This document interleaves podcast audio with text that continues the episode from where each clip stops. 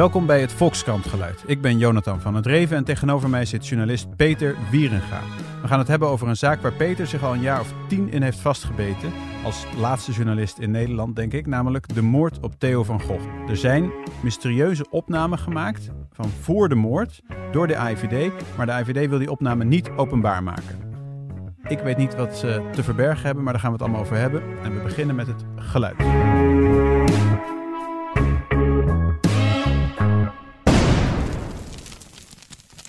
Peter, wat hoorden we hier? Hier hoorden we uh, de handgranaat die is gegooid door de Hofstadgroep.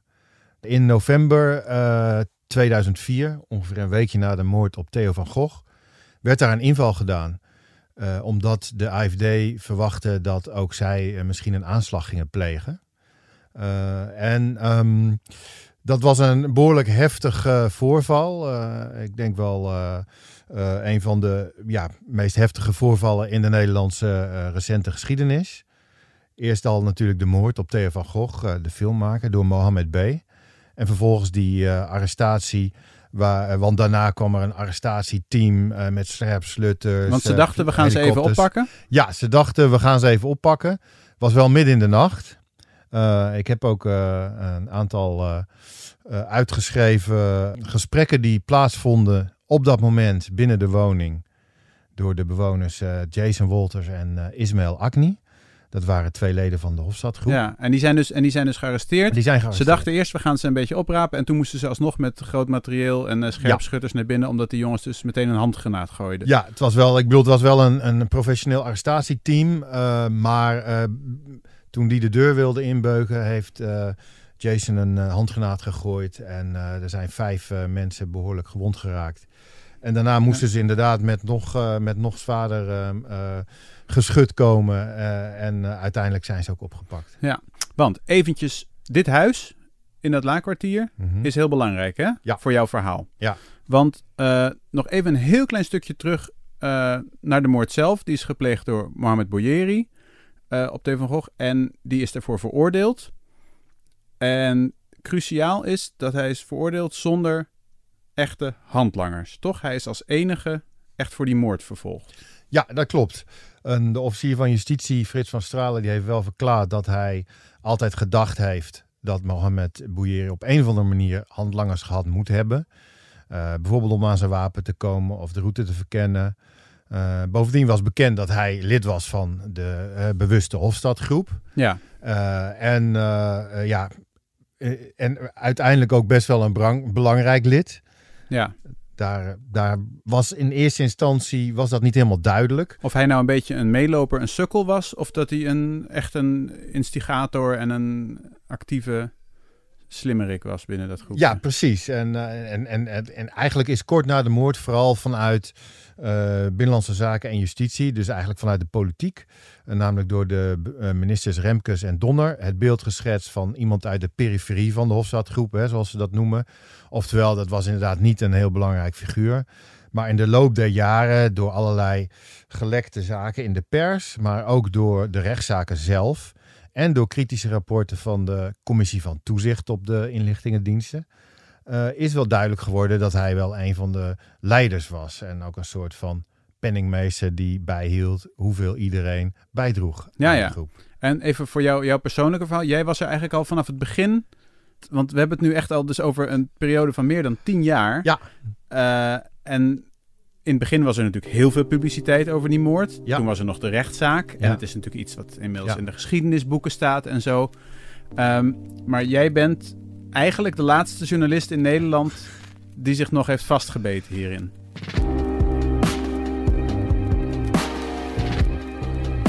Ja, zo lijkt het wel inderdaad. En ja, dat is aan de ene kant logisch, want kijk, um, de Hofstadgroep als zodanig bestaat niet meer. Nee. Mohammed B. zit in de gevangenis levenslang. Ja, destijds was de Hofstadgroep uh, het nieuws. En de moord op Theo van Gogh ook.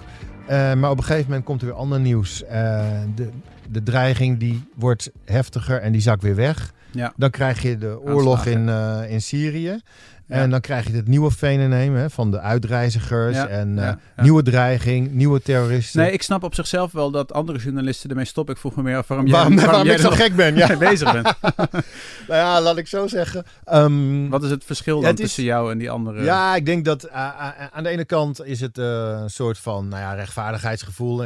omdat ik het altijd gek heb gevonden dat het ministerie en ook de AFD hier toch ja, makkelijk mee wegkwam in mijn ogen. ja. Eh, en ik vind als politiek moet je verantwoordelijkheid dragen en zo. En eh, transparant zijn, ook als er dingen zijn misgegaan. ja. Betekent niet dat iedereen dan maar meteen ontslagen moet worden. Maar pas als je eh, zoveel mogelijk naar buiten brengt wat er is misgegaan. Hè, Ja. Zolang het geen staatsgeheimen zijn, Allah.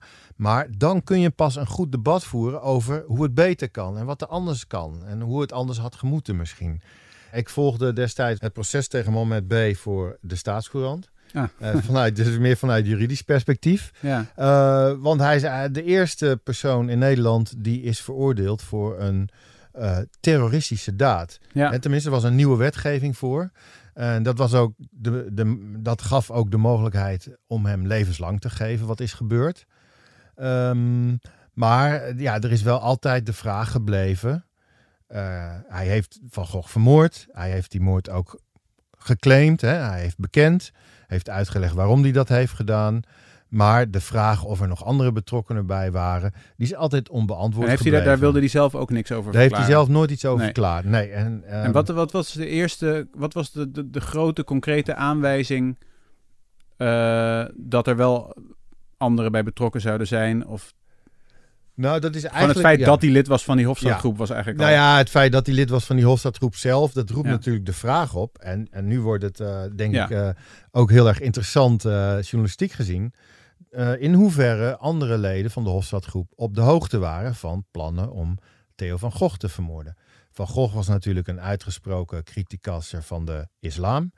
Had de film Submission uitgebracht. Er was bekend dat er dreigingen tegen hem bestond. De film Submission was natuurlijk heel kritisch op uh, de positie van vrouwen binnen de islam. Uh, en gebruikte ook Koranteksten in die film. Nou, dat lag heel gevoelig. Um, nu zou dus- het allemaal zomaar kunnen. Maar... nou ja, hè, nou ja, precies. Dat ligt nog steeds inderdaad heel Ja. gevoelig.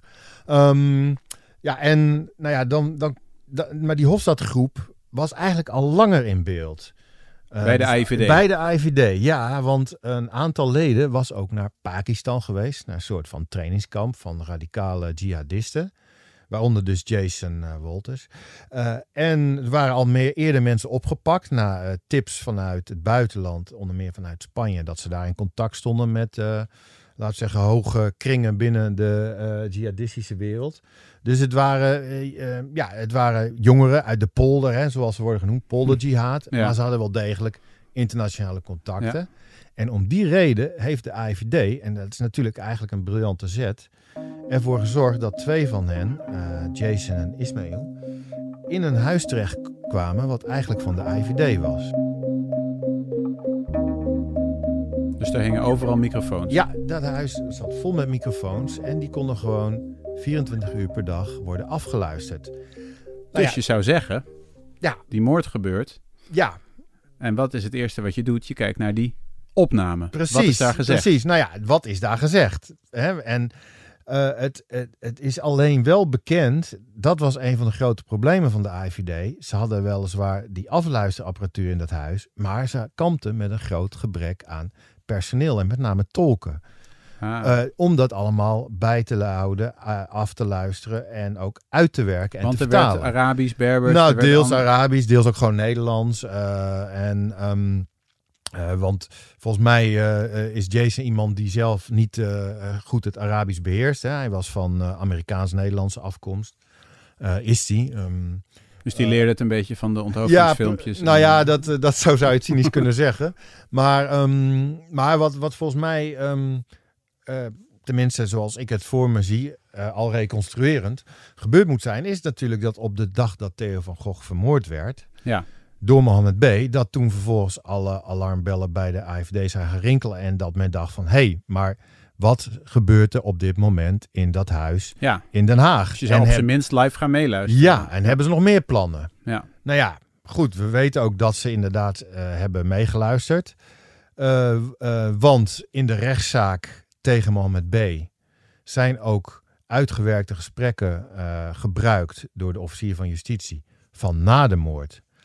Maar tot zijn grote frustratie kreeg hij niet de gesprekken van voor de moord. De officier van justitie die Mohammed B. moest veroordelen, Mhm. die kreeg niet de gesprekken uit het huis in Den Haag van voor de moord. Dat is correct, die En- heeft hij niet gekregen. En hebben ze nog gezegd waarom de AIVD? Eh, nou, het punt is... Want dat is een zijn- beslissing van de Ja, het of van de een- minister. Het is een beslissing van de AIVD, maar die valt onder, Valt de, onder de verantwoordelijkheid van de minister. Dus uiteindelijk is dat een beslissing van de minister. Eh, het gekke is, want ook in het parlement zijn hier vaak vragen over gesteld. Over die eh, zogeheten TAPS van de, eh, van de Hofstadgroep. Dat er in, verschillende redenen zijn aangevoerd. Er is wel eens gezegd wegens bescherming van bronnen. Of dat de geluidskwaliteit heel slecht was. En op een gegeven moment was ook het verhaal dat ze er gewoon niet meer waren. Nou Ja, dus, dat is, dat is, dus toen was gewoon op een gegeven moment de vraag van... Oké, we weten dus niet of de AIVD meer wist of niet. We weten dus ook niet of ze meer hadden moeten weten... over eventuele plannen voor een moordaanslag. En we weten dus ook niet of Theo van Gogh wellicht... eh, als er adequaat was gereageerd daarop... eh, gered had kunnen worden. Nou ja, dat, dat blijft natuurlijk iets wat Ja. wat, wat knaagt. Hè? En wat ik vanuit journalistiek oogpunt ook altijd bijzonder heb gevonden. Want de AFD valt gewoon onder verantwoordelijkheid van de minister. Ja. Is dus ook politiek aanspreekbaar daarop. Eh, en, het zou, het, en het is toch vreemd dat iets wat ze zelf opgezet hebben, een operatie om, ja. Een, eh, om een terreurcel eh, in de gaten te houden en af te luisteren, dat, dat de, zeg maar, alle materiaal daarvan ineens weg zou zijn. Nou ja, dan komen we weer terug bij de officier van justitie, Ja. Frits van Stralen. Hij komt vaker voor in dit verhaal. Het is tien jaar na de moord, 2014. En eh, dan zegt Van Stralen in een interview met Eén Vandaag dat hij nog steeds denkt dat eh Mohammed B. hulp gehad moet hebben. Vervolgens duikt de Tweede Kamer daarop en die geeft aan destijds minister Plasterk de opdracht om nog één keer goed uit te zoeken hoe dat nou zit. Nou, Plasterk zet dan die commissie van toezicht aan het werk. Die mogen alle stukken inzien, ook alle staatsgeheime stukken. En die komen bijna een jaar later met een heel opzienbarend rapport, namelijk die tabs zijn er gewoon. Eh, en als het gaat om de vraag of er directe aanwijzingen zijn dat Mohammed B. handlangers had, zeggen zij, nou die hebben we niet gevonden. Dat zeggen zij. Ze hebben dus Ja. wel inhoudelijk daar iets over gezegd. Ja, absoluut. En ze hebben ook een aantal andere dingen gezegd. Namelijk dat er toch wel eh, informatie was binnengekomen. Los ook van die tabs. Van een aantal personen. Tips over verdachte personen. Waarvan zij zeggen dat had de AVD door moeten spelen aan het Openbaar Ministerie en is niet gedaan. En een van die personen wordt ook genoemd eh, op de tabs. En, dat, en wel in een heel bijzondere context. Dan wordt er namelijk gezegd, na de moord, in dat huis in Den Mhm. Haag. hey, maar eh, Jantje of Pietje Want had toch iemand anders opdracht gegeven om Theo van Gogh te vermoorden. Oftewel, kennelijk was er een zekere persoon, door de Ja. CTVD, de commissie van toezicht, wordt die persoon 2 genoemd, ja. die een rol had als een soort van opdrachtgever. Nou ja, als je dat leest, want dit staat gewoon in een openbaar rapport, Ja. eh, dan denk je van, hé, hey, daar wil ik toch wel meer van weten. ja. Nou, de, dat rapport zelf is verder in de media niet heel veel mee gebeurd. Het OM heeft vervolgens ook besloten om naar aanleiding van dat rapport, waarin dus een aantal personen worden genoemd als hè, verdachten of mensen die in beeld zijn, eh, waar Ja. tips over binnen zijn gekomen, om daar niets meer mee te doen. Nee. En, ja, en toen dacht ik, ja, dit is toch wel heel vreemd. Eh, weet je wat? Als er inderdaad dan verder niks in staat waar het OM nog achteraan Nee. moet, laat ik het dan maar gaan opvragen. Dus jij bent de IVD gaan wobben. Ja. De wet openbaarheid bestuur. Ja. Daar mag je alle stukken inzien als burger. Ja, Alle bestuurlijke stukken over een zaak naar Reuzen. Ja, ja, ja, ja. Die, die, in, in dit geval moet ik wel even bijzeggen. Het gaat om de geheime dienst. En dan geldt de wet op de inlichting en veiligheidsdiensten. De, en die is wat strenger dan de WOP. Maar dan betekent nog steeds dat je gewoon dingen kan opvragen. Ja. Via de minister loopt dat. In principe kun je alles krijgen, behalve natuurlijk zaken die nog steeds eh, staatsgeheim zijn. Nee, ze willen Nou ja. geen niet namen van informanten. Nee. Ze willen niet zeggen dat ze in staat zijn om microfoontjes in potloden te stoppen. Precies. Technisch, Ja. een paar Ja. dingen willen ze geheim houden. Ja, er zijn dus een aantal dingen die zich geheim houden. En het is eigenlijk een heel kort lijstje. Dus of het gaat om bronnen die nog beschermd moeten worden. Of het gaat om eh, de, de werkwijze die niet geheim, eh, niet, sorry, die geheim moet blijven, Ja. die niet bekend mag worden. Of het gaat om ehm, eh, actuele informatie, dus waar ze nog steeds iets mee doen. Ja. Nou, ik heb gezegd, nou, ik ben benieuwd. Geef maar alle informatie die betrekking heeft op deze bestuurlijke zaak, zoals je En dat wanneer dan leven we inmiddels? Dit is, dit is Nou, dan spelen we, 2016. dit spelen we, het- ja, spelen we zeg maar eind 2015. Eind eh, 2015. begin 2016. toen heb jij ik- je eerste verzoek Ja. aan de minister ja, ja, gestuurd. ja, en nou, en de eerste eh, afwijzing, nul Ja. op request, helemaal niks. Ook niet zwart, half zwart gemaakte Nee, pagina's, nee. zoals je wel eens ziet, maar niks. Nada, Niks. helemaal nul, niks, noppers. En met inderdaad als motivering dat de nationale veiligheid en eh, zelfs de democratische rechtsorde in het geding zouden zijn. Als ik, eh, als ik die spullen wel krijg. Ja, dat zijn de explosieve spullen dan. Ja, dat ga je natuurlijk denken. Ja, dus ja. nou, dan ga je door. Ehm, dus ik ben in, eh, zoals dat heet, in bezwaar gegaan. En dat is nog bij het ministerie zelf. En toen kreeg ik een, eh, een uitgebreidere motivering. En ik kreeg ook een aantal passages van die gesprekken. Kreeg ik wel toegestuurd. Ehm, en eh, dat zijn dan alleen gesprekken van weer na de moord. Ja, Dus toen dacht ik van, hé, hey, maar dit, dit was precies waarom we dit hele eh, onderzoek waren begonnen. Omdat de officier van justitie in 2004 al dacht van, hé, hey, ik wil die gesprekken van voor de moord wel zien. Kijken wat daar gezegd is en of daar nu dus- aanknopingspunten en die worden nu dus nog steeds, werden die nog steeds achtergehaald. en die worden nog steeds achtergehouden. Nou ja, dus dan denk je dat ja, het is eh, eigenlijk van 2-1 of er staat niks in en waarom Ja. krijg ik ze niet? Ja. Of er staan inderdaad hele explosieve dingen in. En dan is En een dan- schandaal. Inderdaad, kijk, kijk, het woord doofpot, ik heb het zelf ook wel eens gebruikt, is natuurlijk, moet je mee oppassen, want het suggereert eh, Moedwil. moedwil. En het kan natuurlijk best zijn, er zijn allerlei scenario's denkbaar, dat bijvoorbeeld vanwege een eh, tekort aan personeel, dat men achterlag bij het uitwerken bij die taps, dat men ineens dacht van, nou, toen die moord werd gepleegd, verrek, we hebben ook nog dat huis in Den Haag en hoe zit het daarmee? En dat ze het op dat moment echt niet wisten. Ehm, maar dat je dan daarna blijft volhouden. Dat ja, want Plasterk is ook. dat- We hebben, we, hebben, we hebben nog Guusje ter Horst gehad tussendoor. En Plasterk. En nu is Ja. het alweer eh Olongren. Ja. Ehm, maar die heeft er nog niks over gezegd, geloof ik. Maar, Nee. maar het, het, het is wel zeg maar generatie op Ja, generatie ja, van het is die allemaal dezelfde Ja, beslissing nemen. het wordt steeds Dus het doorgeschoven. wordt steeds doorgeschoven. En eh, dus ja, je gaat toch vermoeden dat er iets aan de hand is. Dus we zijn inderdaad ook, eh, de- en we zijn dan Gijs van der Westlaken, ik en eh, inmiddels hebben wij ook bij ons aangesloten Roger Vleugels. een WOP-expert. WOP-expert? Ja. inderdaad. En die doet ook veel zaken met de AIVD. Hè? Eh, en die eh, is samen met ons eh, in beroep gegaan. Dus dan ga je naar de rechter. Dat was vorig jaar, die heeft het afgewezen. Nou, dan is er in Nederland nog één instantie. En dat is de Raad van State, de hoogste bestuursrechter. En dat Ja. is precies waar we op dit moment zitten. Ja, want ik heb dat verzoek van jou, van jullie dan aan de Raad van State, of dat heet het bezwaar, of verzoek tot herziening, hoe heet het, aan de Raad van State gelezen. En dat is, nou, ik heb wel eens bezwaar gemaakt bij de gemeente en dan ben ik echt een hele dag bezig met een e-mail Ja. om dat netjes te doen. Maar Ja. dit, dit, moet, dit moet weken werk zijn geweest. Het aantal, hoe correct de taal is, het aantal, de opmaak, de puntjes, de subpunten en de dingen. En dan, en dan ook nog af en toe iets menselijks, persoonlijks ertussen ik vond het echt een fantastisch. Dat kun je zo publiceren, dat ding. Het Nou, dankjewel. is echt, volgens mij echt leerzaam voor journalisten ook om, om te, eh, te zien hoe je nou echt een alles dichttimmerend bezwaar kunt Mm. opsturen. Ja, nou ja, ik, Zijn ik- jullie daar dan weken nou, mee bezig? Ja, ik, nou, week is overdreven. En, en, en het is wel iets wat, eh, wat we dus samen met Roger Vleugels Ja. doen. En die heeft er veel ervaring in. Ik heb ook nog wel advies ingewonnen van een andere uh, bestuursrechtadvocaat. Uh, en daarnaast is het inderdaad ook gewoon je eigen tijd erin stoppen.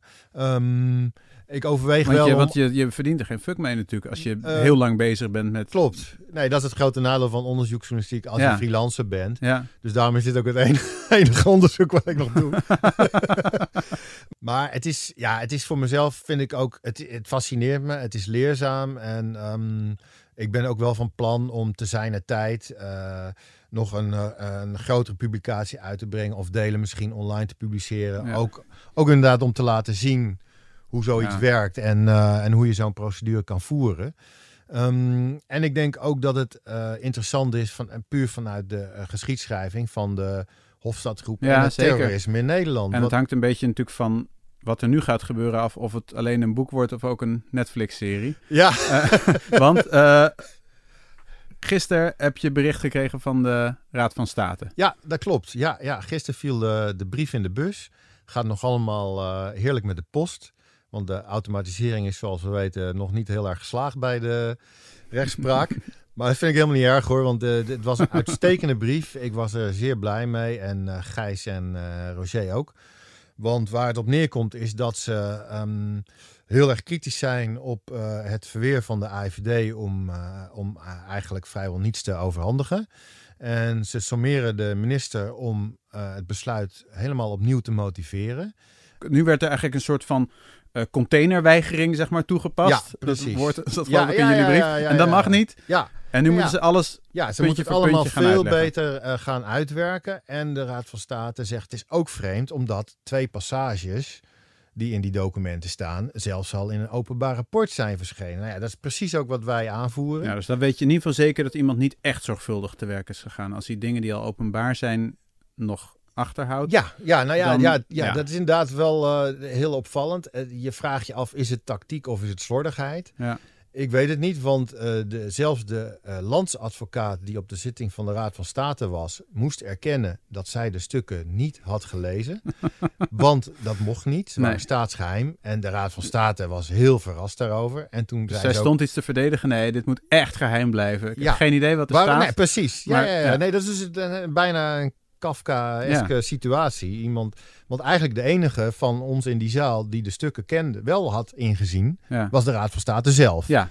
En zelfs die vroegen zich af of ze wel alles hadden gekregen. ja, want dat weet je natuurlijk Ja. nooit helemaal bij nee, de IVD. nee, dat weet je nooit. Eventjes eh, een heel klein beetje toch speculeren. Ehm, vroeger werd er wel eens gezegd van ja, Mohammed B. was echt een informant van de IVD. Die werkte samen met de IVD. Dat zou natuurlijk het allergenantste scenario zijn. Eh, er werd gesproken over was nou, de Syriër, geloof ik. Ja. Dat zou die opdrachtgever misschien zijn. Precies, ja, ja, ja. Ehm, en dat, die misschien, dat ze die misschien al lang kenden. Wa- Wat, wat acht jij nu nog... Wat, wat, wat, wat denk je dat er nog kan Mhm. worden gevonden? Wat, wat, want je Ja. moet een theorie hebben. Je nou ja, ja, eh, natuurlijk. Je moet, ik heb een theorie en eh, die als volgt.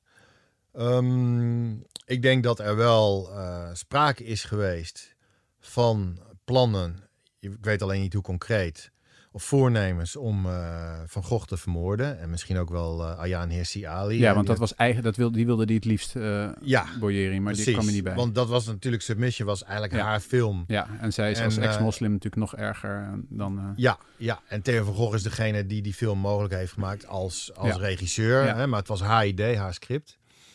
Ehm, eh, ik, ik vermoed ook dat, dat er ook andere mensen daar weet van hadden. Sterker nog, het feit dat men na de moord zei van... hé, hey, er was toch iemand anders die opdracht had gekregen Ja. om Van Gogh te vermoorden... of, of gevraagd zou zijn. ja, Hè, de precieze bewoording ken ik niet, maar het ging erom dat er een soort van opdrachtgever was. ja, Nou, hoogstwaarschijnlijk was dat de Syriër. Ja. Eh, dat was een eh, wat oudere man die vaak gold als een soort van geestelijk leider van de groep. Hè, die ze inwijden in uh, nou ja, de jihadistische leer.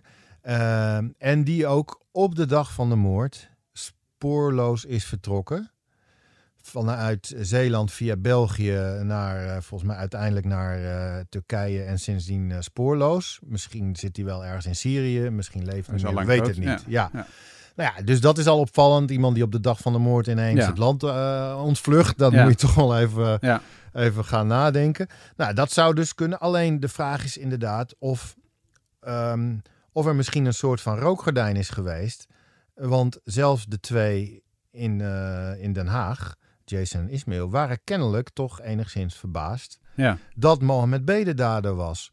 Dus eh, wie weet eh, was er op een of andere wijze, misschien wel bedacht door de Syriër, misschien wel door Mohammed B., we weten het niet, een plan B in werking gesteld dat Mohammed B. het ging doen. Ja. Nou ja, Dus misschien weten... was er ook nog een Mohammed A, bedoel je? Er, wel- ja, er zou nog iemand anders geweest kunnen zijn. Er zijn ook andere mensen die betrokken waren bij de. ehm, eh, die betrokken waren bij de Hofstadgroep buiten Jason en Ismail. En waarom Dus, eh, zou, dus maar het- waarom zouden, wa- van waar dan de, dus, de, dus dan zou de doofpot, om het toch maar even zo te noemen, of het een beetje weghouden van de gegevens, Ja, eh, zou dan zijn omdat de IVD dit had moeten zien aankomen. Gewoon een beetje Nou ja, zichzelf beschermen. ja. Ja, vermoedt niet een zo een heel gênant iets van Mohammed B. zelf was informant. Nee, de ik denk dat. Nee, ik denk dat. Nee, nee, ik, da- nee, ik denk dat dat eh, een, een stap te ver is. En ik denk ook echt dat ze. ehm, tenzij Mohammed B. een briljant dubbelspel heeft gespeeld, maar daar geloof ik Nee, niet in. nee. Ik denk dat dat te ingewikkeld was en dat dat... Kijk, dat is namelijk meer een, eigenlijk een soort van... wordt bijna een complottheorie, Ja, hè? ja, dat is En gewoon een het, complot. en het ja. probleem van een complot is dat er altijd zoveel, een x aantal mensen bij betrokken moet zijn. En Ja. dat het vroeg of laat toch... Dat wordt te eh, groot. als te groot als wordt de en Raad van State ervan weet. Dan, Ja. Nou goed. Ja, dus, maar het, wat, waar het wel op neerkomt, ik denk wel dat er ergens op enig moment iets gezegd is waarvan ze misschien wel achteraf dachten, hé hey, verrek, daar hebben we toch iets gemist. Ja. En als dat niet het geval is, ja, dan zou ik bijna zeggen, eet ik mijn hoed op. Maar dan, Ja. en dan verwacht ik, en dan snap ik ook niet Nee, dat ik is- helemaal niks... Dan is een dat ik geen stukken krijg, ja. ja, ja. Maar goed, als iemand erachter gaat komen, dan ben jij het dus. en eh, nou, wij dan ook Precies, allemaal. ja, precies. Misschien eh, over een maand al. Wie weet. Nou, benieuwd. Dit was het Volkskrant geluid voor deze week. Eh, als je de volgende niet wil missen, dan moet je je abonneren via Soundcloud of via iTunes. En dan krijg je een berichtje als er weer eentje is. En je kunt tegenwoordig ook reageren. Dat kan via podcasts.volkskrant.nl. En dan kun je schrijven wat je ervan vond. En als je bij de IVD werkt, kun je uit de school klappen. En dan spelen wij dat discreet door naar Peter. Dag.